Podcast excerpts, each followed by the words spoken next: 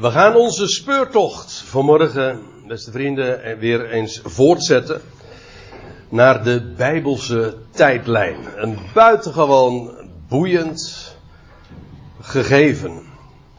En we hebben dat al twee keer eerder gedaan.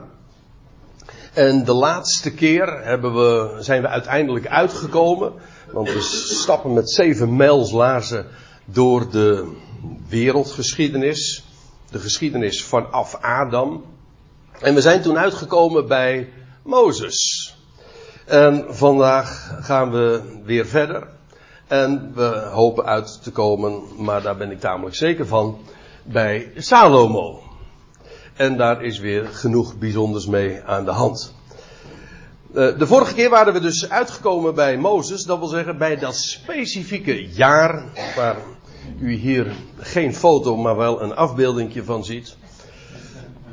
Het lijkt een foto uh, van de doortocht. Een artistieke weergave van de doortocht, laten we daarop houden.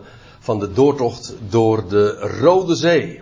Zo'n, dat, een van de meest markante, uh, een van de meest markante momenten in de Bijbelse geschiedenis. En hoe vaak wordt daar ook niet aan gerefereerd? Dat God met sterke hand zijn volk heeft uitgeleid. En wat bleek, uh, om nog eventjes een paar eh, dingen van de vorige keer op een rijtje te zetten. Eh, het was in het jaar 2000, anno hominis, dat wil zeggen in het jaar der mens, van de mens, oftewel vanaf Adam gerekend. Het was in het jaar 2000 dat ooit Noach stierf, maar het was ook het jaar dat Abraham geboren werd.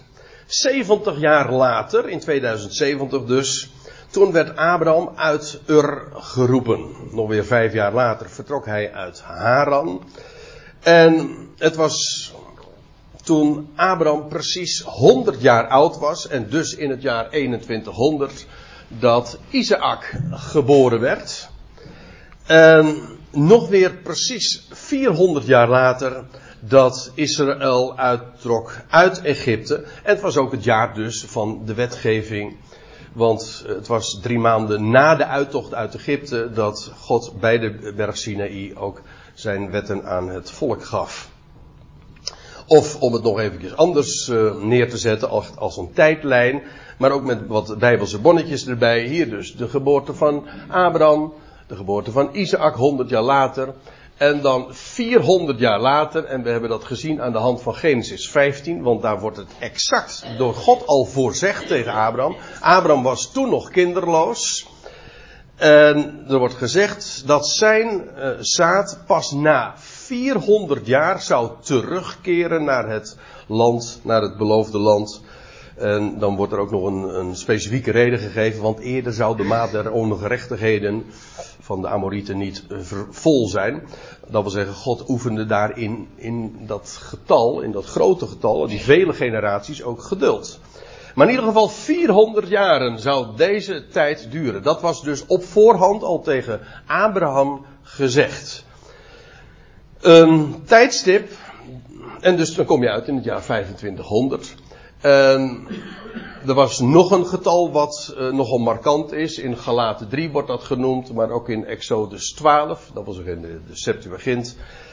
Um, dat er sprake is vanaf de belofte aan Abraham, oftewel vanaf de roeping van Abraham, tot aan de wetgeving. Dat heet, dat is een periode van 430 jaar. Dat Paulus zegt dat heel uitdrukkelijk. En dat klopt dus ook precies. Dat, het, dat wil zeggen, die 400 jaar heeft te maken met de tijd vanaf van de geboorte van Isaac tot aan de uittocht.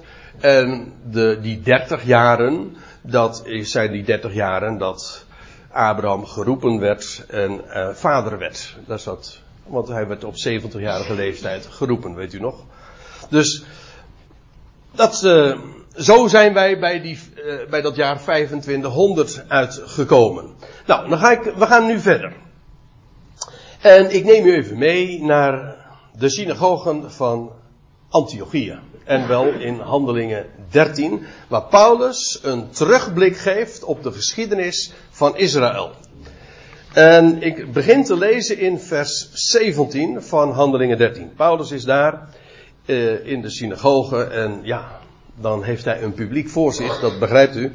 Waar men zeer goed op de hoogte is en was van, ja, van Israëls geschiedenis. En hij gaat ook met, uh, nou, met grote stappen door Israëls geschiedenis. Paulus probeert trouwens daarin ook iets aan te tonen. Dat doet hij niet zomaar. Maar hij heeft daar een speciale opzet voor. En hij vermeldt dan trouwens ook allerlei bijzonderheden in verband met de chronologie. En met name om die reden, in verband met de tijdrekening, eh, gaan wij daar vanmorgen ook wat dieper op in, want we volgen de Bijbelse tijdlijn.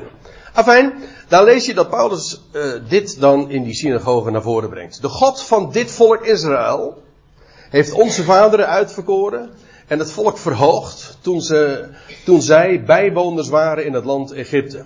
En hij heeft hen met hoge arm daaruit gevoerd. Met hoge arm en lees je elders eh, heel vaak ook met sterke hand. Met grote kracht. Zodanig zelfs dat de hele uh, regio van het Midden-Oosten, om niet te zeggen ook daarbuiten, dat weet ik niet, maar in ieder geval, men wist hiervan. De Canaanieten, die hadden daar al gauw lucht van gekregen en die sidderden. Eh, we lezen dat ook in die geschiedenis van Rahab. Ze weten allemaal van, ja, de God van Israël, is een machtige God. Want er was een enorme sprake van uitgegaan, met name door de wijze waarop hij dat volk had verlost. Met recht dus, met hoge arm, met sterke hand, heeft hij daar hen uitgevoerd. En dan staat er, en hij heeft gedurende een tijd van omstreeks 40 jaren. Hij zegt, hij, uh, het gaat Paulus niet zozeer om de precisie. Ik moet er trouwens bij zeggen, het is wel degelijk toch uh, echt ook met precisie zelfs 40 jaren. Zelfs op de maand nauwkeurig nog. Dus dat gaat nogal ver. Uh, precies 40 jaren in de woestijn hun eigenaardigheden verdragen. Leuk zoals dat dan geformuleerd wordt. Hè? We zijn allemaal een beetje raar en een beetje bijzonder. En, de, en uh, dat gold voor het volk van Israël ook. Gedurende die 40 jaar heeft hij hen zo verdragen. En dat betekent dus uh, eh, 40 jaar woestijnreis. En dat betekent dus dat uh, de aankomst in het beloofde land was in 2540. Hè? In 2500 werden ze uitgeleid en 40 jaar later kwam men aan. Nou, dat is dat is niet echt hogere wiskunde. Uh, we lezen even verder. En, staat, vervolgt Paulus dan. En na zeven volkeren uitgeroeid te hebben in het land, Canaan, want ze moesten allemaal verdreven worden. Dat wil zeggen, en als ze niet verdreven werden, dan, uh, ja, dan kostte hun dat de kop. Na zeven volkeren uitgeroeid te hebben in het land Canaan, heeft hij hun land, hun ten erfdeel gegeven. Ik zei al, het was in feite ook. Het, dat Israël het land in bezit nam, was ook een gerichtsoefening. Ik, ik, refereerde daar zojuist al aan dat tegen Abraham ooit al was gezegd van eerder is de maat van, die, van de ongerechtigheden van de Amorieten niet vervuld. Dat wil zeggen, daar in het land Canaan maakte men het zo bond, God moest hen daar uitdrijven en uitroeien. Dat kon niet anders, dat heeft trouwens nog andere redenen dan, uh, dan alleen deze. Ik, uh, verwijs alleen al eventjes naar het feit dat er kinderen waren, reuzen. En dat was echt, uh, en die hadden een zeer dubieuze oorsprong. Dat zou je eigenlijk ook wel vanuit de Bijbelse geschiedenis moeten weten. Nou ja, bij deze cryptische uitspraak laat ik het maar even. Maar goed, na zeven volkeren uitgeroeid te hebben in het land Canaan, heeft hij hun land, hun ten erfdeel gegeven. En we weten trouwens, dat is niet in één jaar gebeurd zo. Dat dit na, zeven volkeren uitgeroeid te hebben en dan vervolgens hun het land ten erfdeel gegeven, dat, dat neemt enige tijd in beslag. Dat begrijp je. Dat, dat doe je niet even op een eh, late na, namiddag. Want je leest in, uh, in Exodus al, in Exodus 23, dat God al tegen hen zei: Ik zal hen niet, hen, dat wil zeggen die inwoners van Canaan, ik zal hen niet in één jaar voor u uit verdrijven. Opdat het land geen woestenij worden en, en het wild gedierte u niet te veel worden. Langzamerhand zal ik hen voor u uit verdrijven. Totdat gij zo vruchtbaar wordt dat gij het land in bezit kunt nemen. Aha, dus we weten hieruit dus dat dit enige tijd, maar dat is min of meer een open deur intrappen. Maar hier wordt het ook expliciet zo gezegd. En ook met redenen omkleed.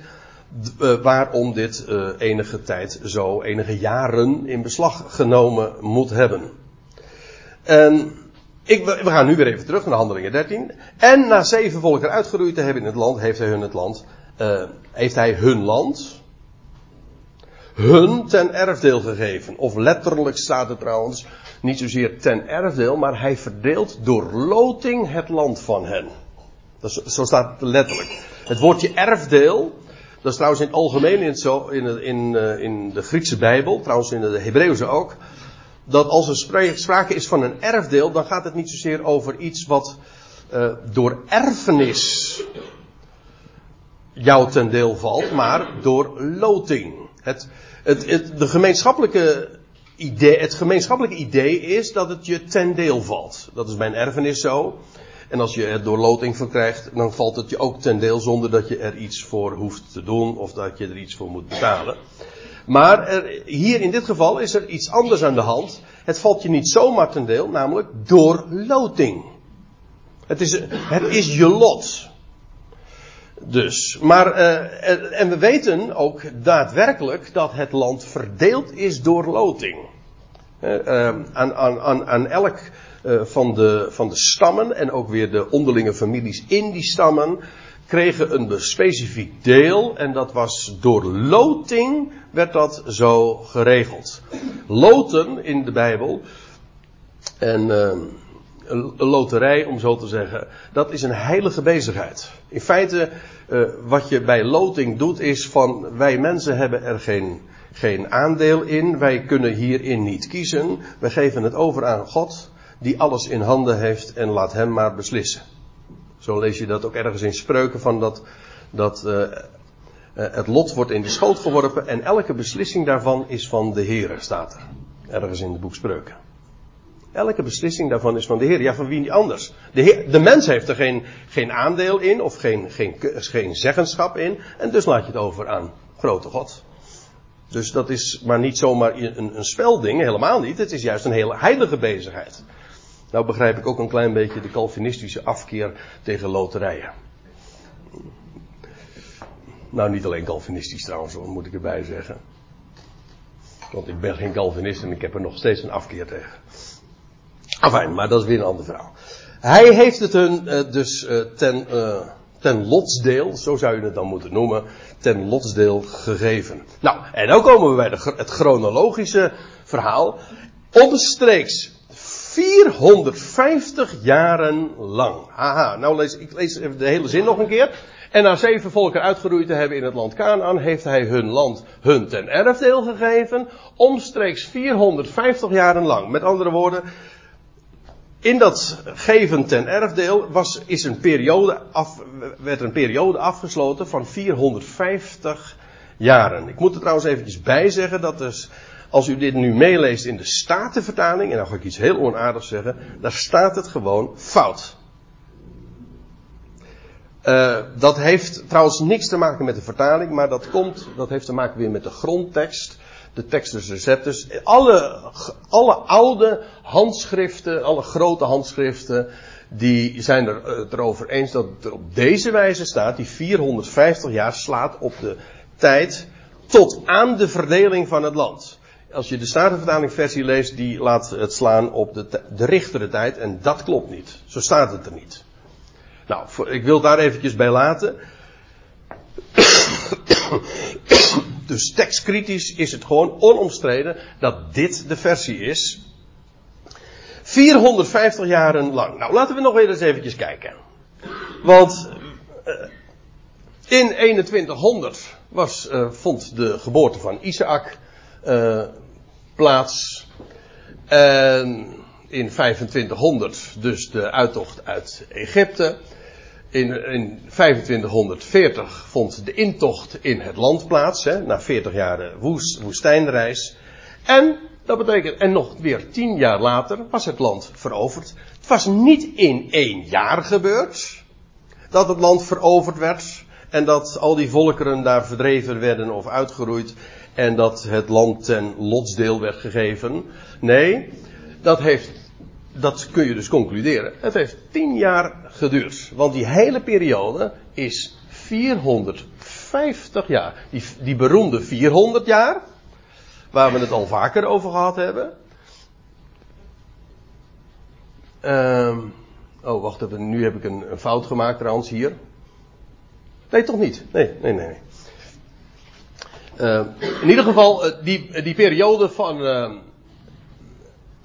van 2100 jaar tot aan de geboorte, nee, tot aan de intocht van het land en dat het land veroverd is, is in totaal een periode van 450, 450 jaren geweest. Dus 10 jaar, men is het land ingetrokken. En vervolgens heeft het 10 jaar geduurd alvorens het hele land hun ten deel viel en het land ook dus daadwerkelijk verdeeld kon worden. En wat we dan weten is dat na de verovering en de verdeling van het land begint er iets bijzonders. En dat is de telling van de sabbatsjaren. Het is nu al een paar keer te sprake geweest, zo in deze serie. De sabbatsjaren en vooral ook de jubeljaren. Maar laten we eens even wat met meer precisie naar de tekst kijken waar dat uh, zo onder woorden gebracht wordt.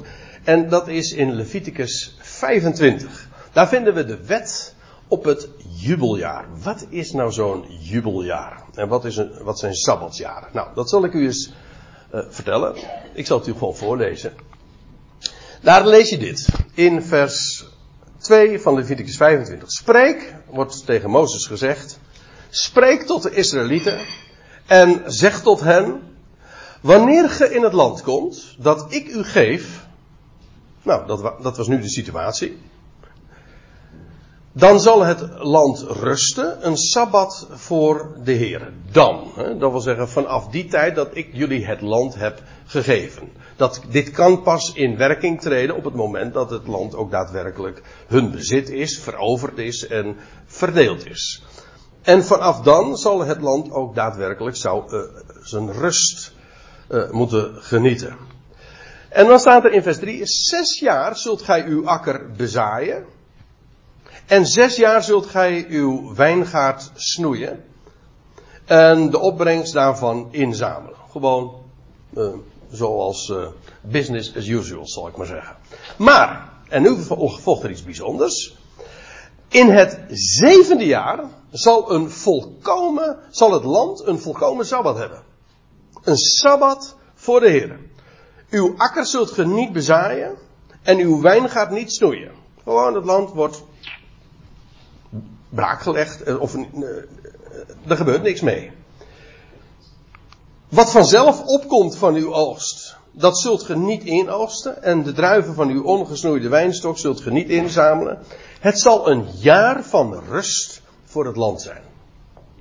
Dat is dus een sabbatsjaar. Zoals je dus een sabbats, uh, de gewone sabbat hebt, maar dat is een cycli van dagen. Na zes dagen is er een zevende dag dat er gerust wordt. Heb je hier ook een sabbatsjaar, dat wil zeggen na zes jaar arbeid en na zes jaar oogsten en zaaien enzovoorts, is er een zevende jaar dat het land rust geniet. Een jaar van rust voor het land. Voorts zult gij u zeven jaar sabbatten tellen. Hou die term trouwens even in gedachten. Ja, niet voor uh, eens zozeer voor nu, maar daar gaan we het over een paar weken ook nog over hebben. Over dat hele idee van jaarsabbatten of jaarweken, want dat komen we later in de profetie nog weer tegen. U kent dat misschien wel in het boek Daniel, de, de, de profetie over de jaarweken. En dat heeft alles te maken met deze instelling. Jaarsabbatten. Voort zult gij u zeven jaarsabbatten tellen. Dat wil zeggen zeven maal zeven jaren. dus ja, ieder zeven jaar was een sabbatsjaar. En dan vervolgens weer zes jaar uh, wordt er gearbeid en het, het land, uh, daar wordt van geoogst. Dan volgt weer een sabbatsjaar. Nou, Na zeven van zulke cycli, zeven maal zeven jaren, zodat de dagen van de zeven sabbat, jaarsabbatten 49 jaren zijn. Niet zo moeilijk, hè? Zeven van die cycli van jaarsabbatten is in totaal dus 7 maal 7 is 49 jaar. En dan, is er, dan, gebeurt, dan heb je dus weer een sabbatsjaar. Dat is het zevende sabbatsjaar. Dan zult gij bazuingesal doen rondgaan in de zevende maand. Op de tiende van de vermaand. Op de verzondag zult gij de bazuin doen rondgaan door uw ganse land.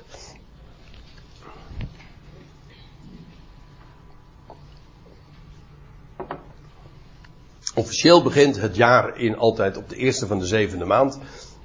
Maar hier, in de, hier wordt er gezegd, op de tiende van die zevende maand, en dat is Yom Kippur, de dag van de, de grote verzondag, dan zou er iets bijzonders gebeuren en dan zou met, eh, men met bazuingeschal het hele land rondgaan en daarmee zou een bijzonder jaar gaan starten, want dat blijkt dan in vers 10.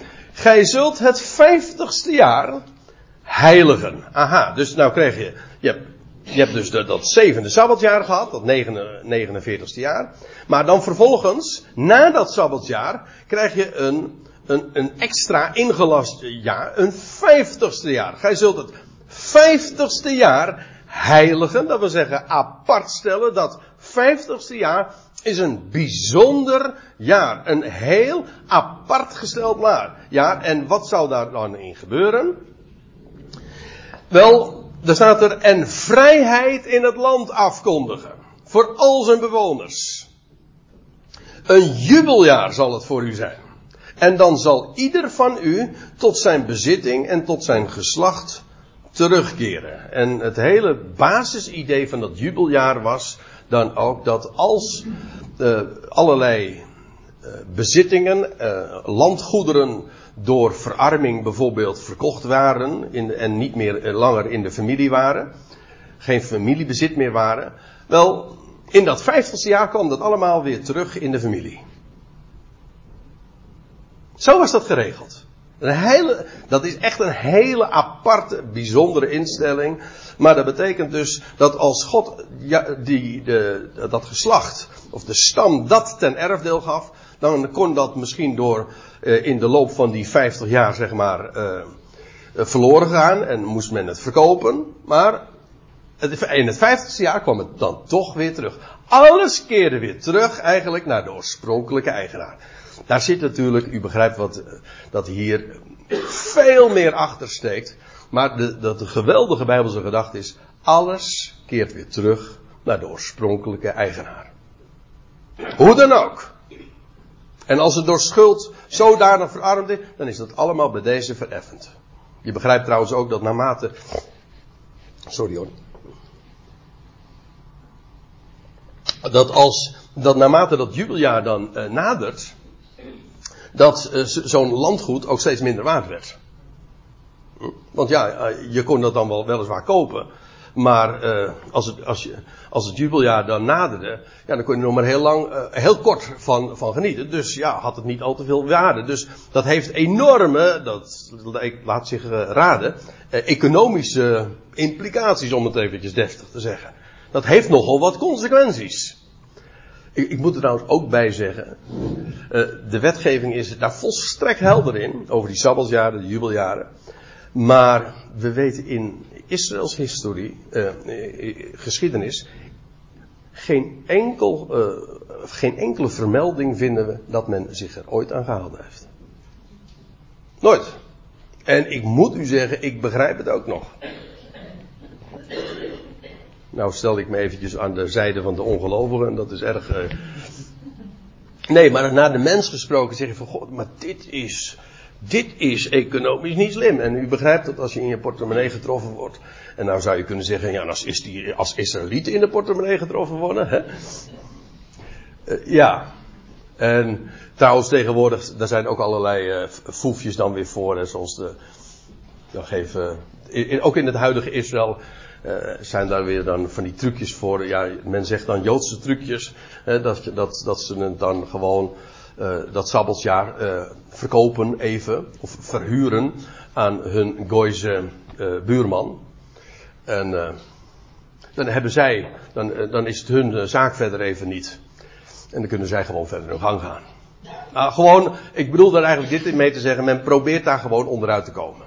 In ieder geval laat ik het eventjes beperken gewoon tot de vaststelling. Nergens in de Bijbel lezen we, dat is dus een conclusie op basis van het feit dat we, dat we van het ontbreken van een gegeven daarover. Maar nergens in de Bijbel lezen we inderdaad dat men zich hier ooit aan gehouden heeft. Maar de instelling is, is uh, volstrekt helder. Nog een keer. Gij zult het vijftigste jaar heiligen en vrijheid in het land afkondigen. Voor al zijn bewoners. Een jubeljaar zal het voor u zijn. En dan zal ieder van u tot zijn bezitting en tot zijn geslacht terugkeren. Het was trouwens ook het jaar dat alle slaven weer, weer vrij werden. Een jubeljaar zal dit vijftigste jaar voor u zijn. En dan zult gij niet zaaien. En wat dan vanzelf opkomt, zult gij niet oogsten. En dan zult gij de ongesnoeide wijnstok niet aflezen. Met andere woorden, feitelijk dus twee jaren achter elkaar. want het 49ste jaar was een sabbatsjaar. En dan dat vijftigste jaar, dat was dus eigenlijk een extra ingelast of toegevoegd jaar aan het einde van die zeven sabbatsjaren. Het is dus niet, ik zeg dat er eventjes bij, omdat er ook interpretaties zijn die zeggen van ja, dat vijftigste jaar was eigenlijk gewoon het eerste jaar van een hele nieuwe sabbatjarencyclus. Maar dat is niet zo, want er wordt juist in dat jaar niet gezaaid en niet geoogst. Het is dus echt een extra toegevoegd jaar. Het vijftigste jaar. En dat betekent dus feitelijk dat zo'n hele sabbatsjarencyclus van zeven jaar, vijftig jaar duurde dus. Zeven sabbatjaren is 49 jaar, maar dat vijftigste jaar hoort erbij. En dan krijg je een extra jaar, en dat is het jubeljaar. En na dat jubeljaar, nou, dan krijg je weer een nieuwe reeks. Ja, toch? Dus, het vijftigste jaar. En eh, ik lees nog eventjes eh, verder. En het land, zal zijn, en het land zal zijn vrucht geven, zodat gij tot verzadiging eet en daarin veilig woont. En wanneer ge dan zegt, wat zullen wij in het zevende jaar eten? Gewoon even in, in het algemeen die sabbatsjaren. Wat zullen wij in het zevende jaar eten? Zie, we mogen niet zaaien, nog onze oogst inhalen. Dan zal ik mijn zegen in het zesde jaar over u gebieden. Dat het u een opbrengst geven voor drie jaren.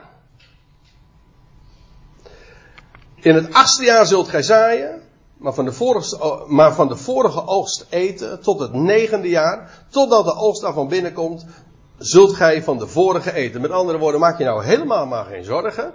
Kijk, en dat is geloof. Want het is heel tricky natuurlijk. Om het zeven jaar hebben we helemaal niks te doen. Maar ja, wat doen we?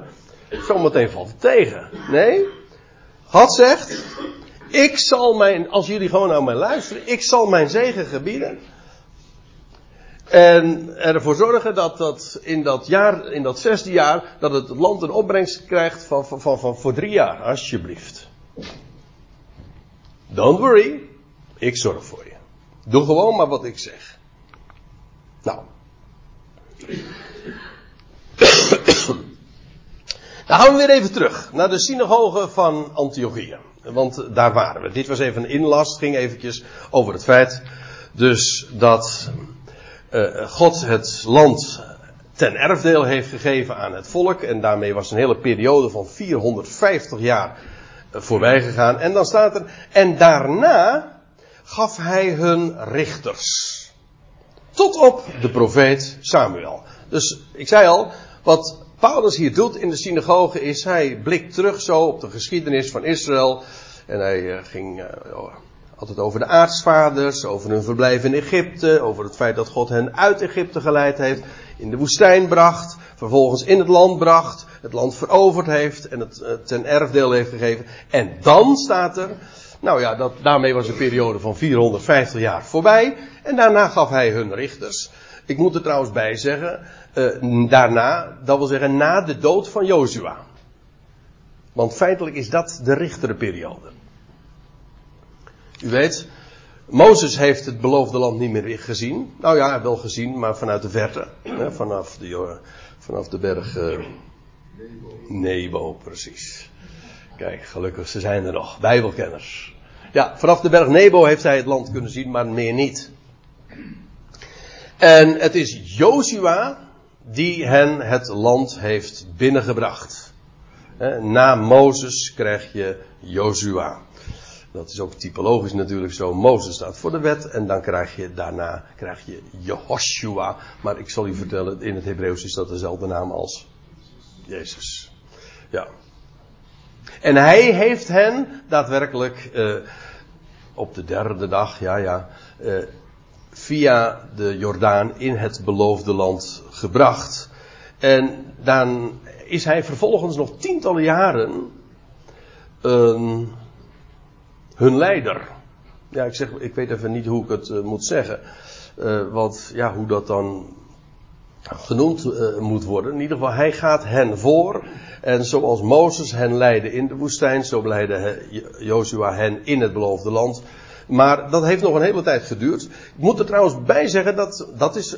Er zijn van die dingen die zich gewoon direct aandienen. Maar er zijn ook getallen die zich soms. Uh, ja, die je gewoon door vergelijking. dat je zo je conclusies moet trekken. Uh, ga even met, ga, doe eventjes zo'n exercitie met mij mee, zo'n oefening. Joshua was als verspieder al twintig jaar oud. Dat weten we. Ja, ja, ik geef hier de bonnetjes bij. Ik ga dat nu allemaal niet uh, na. Maar hij, hij, was 20 jaar oud. Dat was trouwens in het tweede jaar na de uittocht. Dus dat was in 2501. Nou, als hij in 2521 jaar oud was. Dan is hij dus geboren in 2482.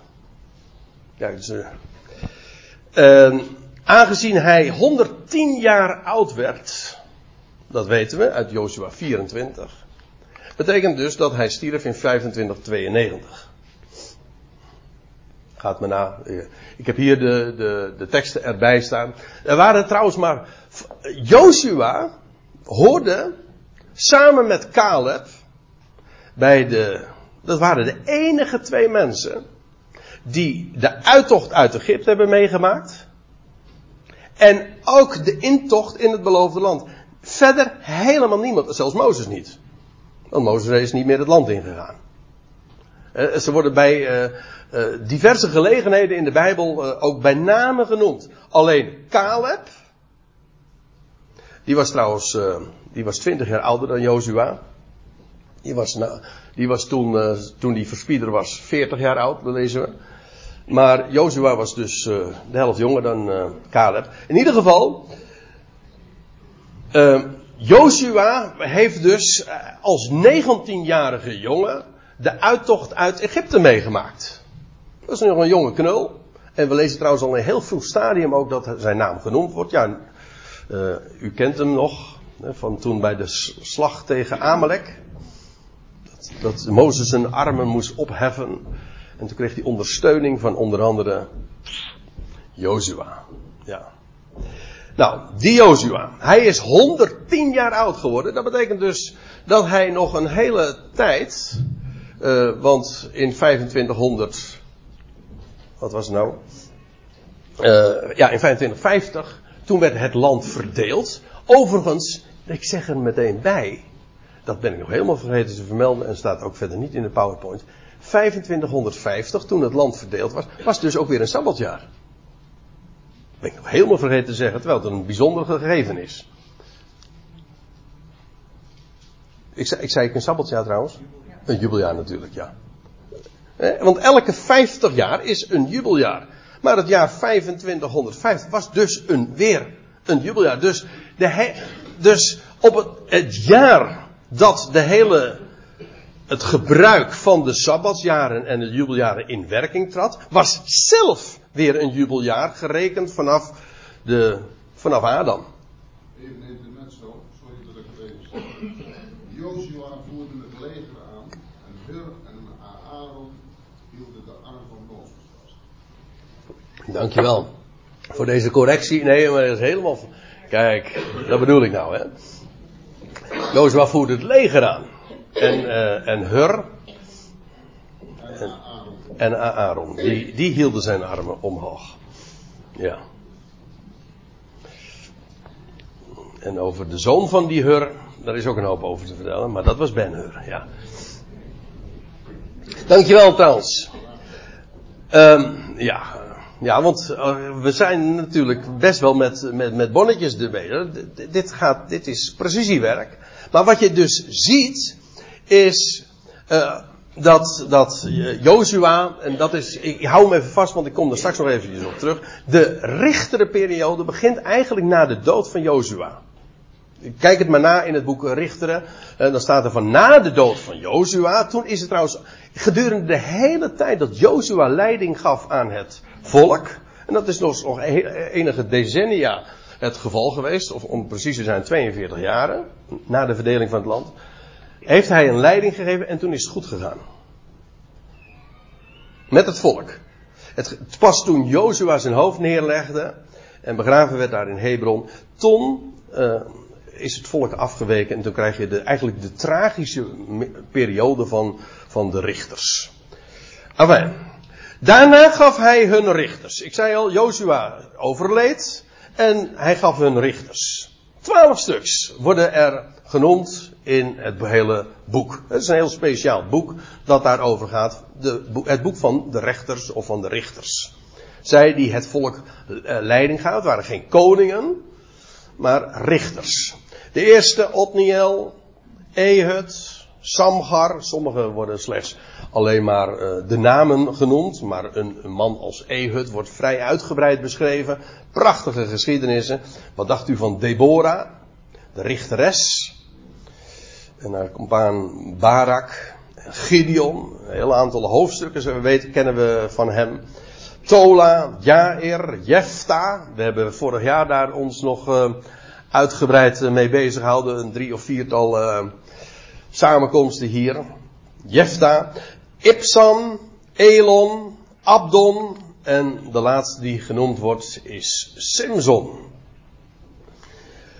En van hen wordt trouwens ook gezegd hoe lang zij het volk eraan richten. Maar ik moet er meteen bij zeggen, men heeft dat wel eens een keertje allemaal op een, uh, in, een, een optelsom van gemaakt, maar dat gaat niet op, omdat die richters uh, niet elkaar zomaar iedere keer opvolgden, maar ook dat zij gelijktijdig leiding hebben gegeven, want een, een, man als Simson heeft niet aan het hele volk leiding gegeven, maar een deel.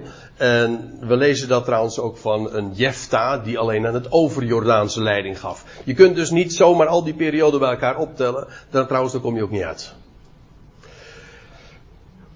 Dat wordt ook niet zo gedaan. Er is een veel eenvoudigere manier en daar kom ik straks op. Trouwens, na de, na de richterenperiode krijg je dus Samuel. Want dat zegt Paulus ook in Handelingen 13. Daarna gaf hij hun richters tot op de profeet Samuel. Samuel, dus de profeet. En u weet, Samuel is ook degene geweest die koning Saul heeft gezalfd. Het volk vroeg om een koning. En toen kregen ze ook een koning. Namelijk een koning naar hun eigen hart. En deze heeft uh, nog 40 jaar geregeerd. En toen kreeg je koning David. En na koning David kreeg je Salomo. Nou, ik, ik noem die namen zo even.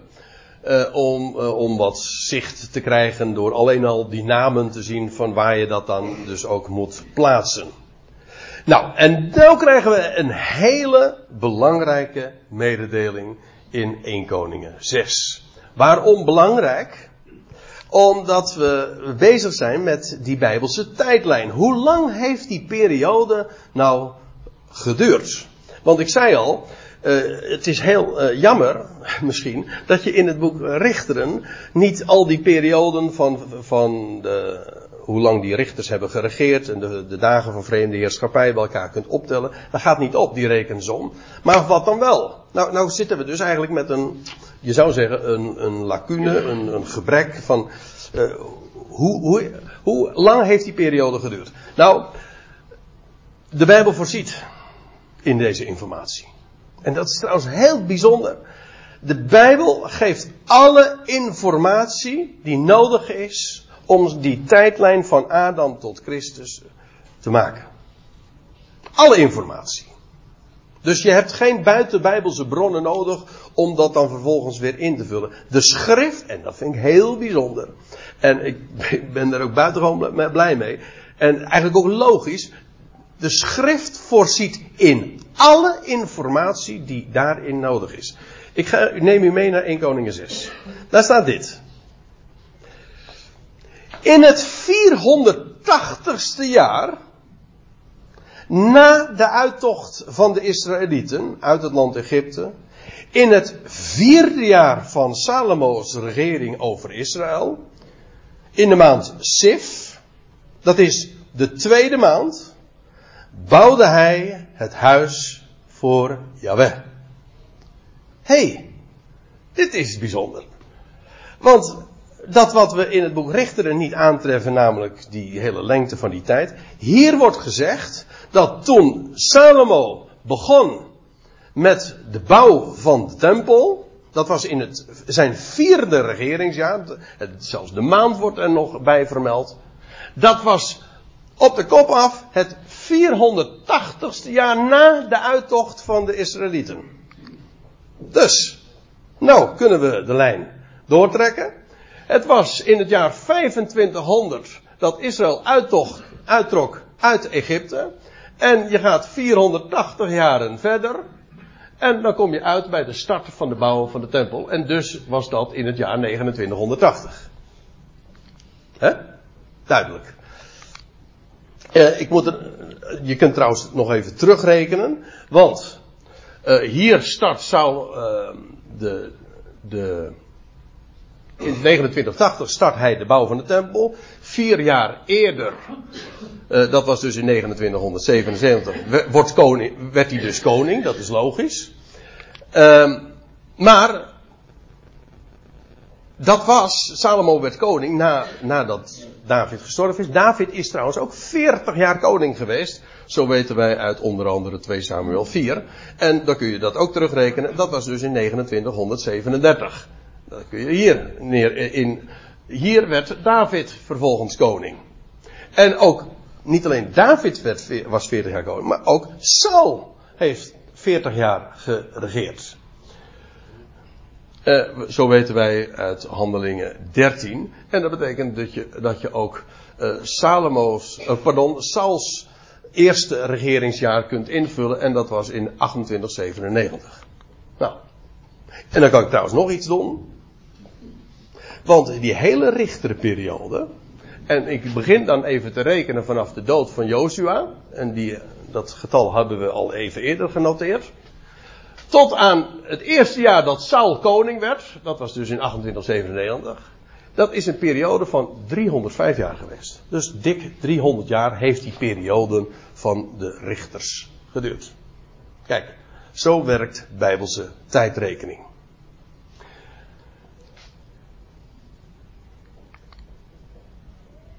Ik lees nog even verder. Want dan zijn we er nog niet. In het vierde jaar. Dat was dus het 480ste jaar na de uittocht uit Egypte. In het vierde jaar van Salomo's regering werd het huis des Heren gegrondvest in de maand Sif. Dat wil zeggen, toen begon de bouw van de tempel. En in het elfde jaar, in de maand Bul, dat is de achtste maand, was het huis in al zijn onderdelen en geheel volgens bestek voltooid.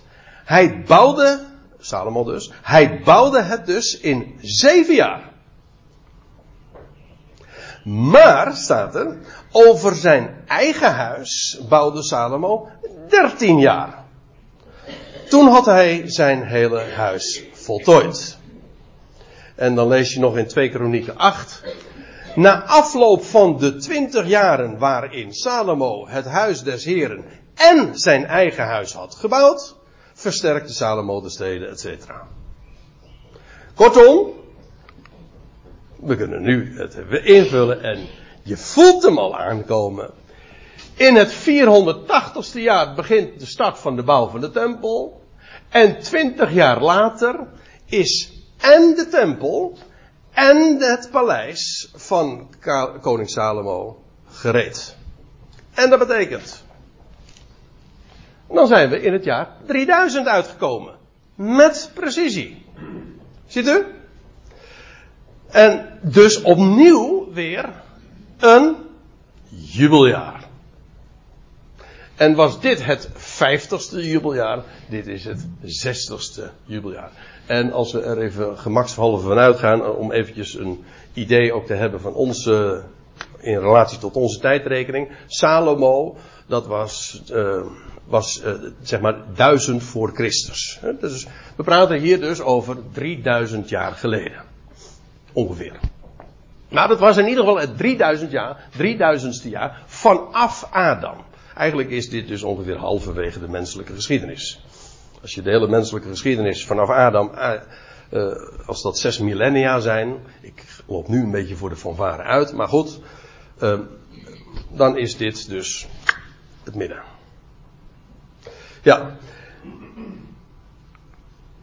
Dat betekent dat in het jaar 2000 Abraham geboren werd, 500 jaar later de uittocht uit Egypte plaatsvond, nog weer 50 jaar later dat het land verdeeld was en in het jaar 3000 was Jeruzalem de hoofdstad van Israël en ook de, en dat moet ik erbij zeggen, de priesterlijke en koninklijke hoofdstad. Officieel, dat wil zeggen, de tempel was gereed. Bovendien het paleis van de koning, want Jeruzalem is de stad van de grote koning. Toen was de woonplaats voor de priester, maar ook de woonplaats van de koning ingereden.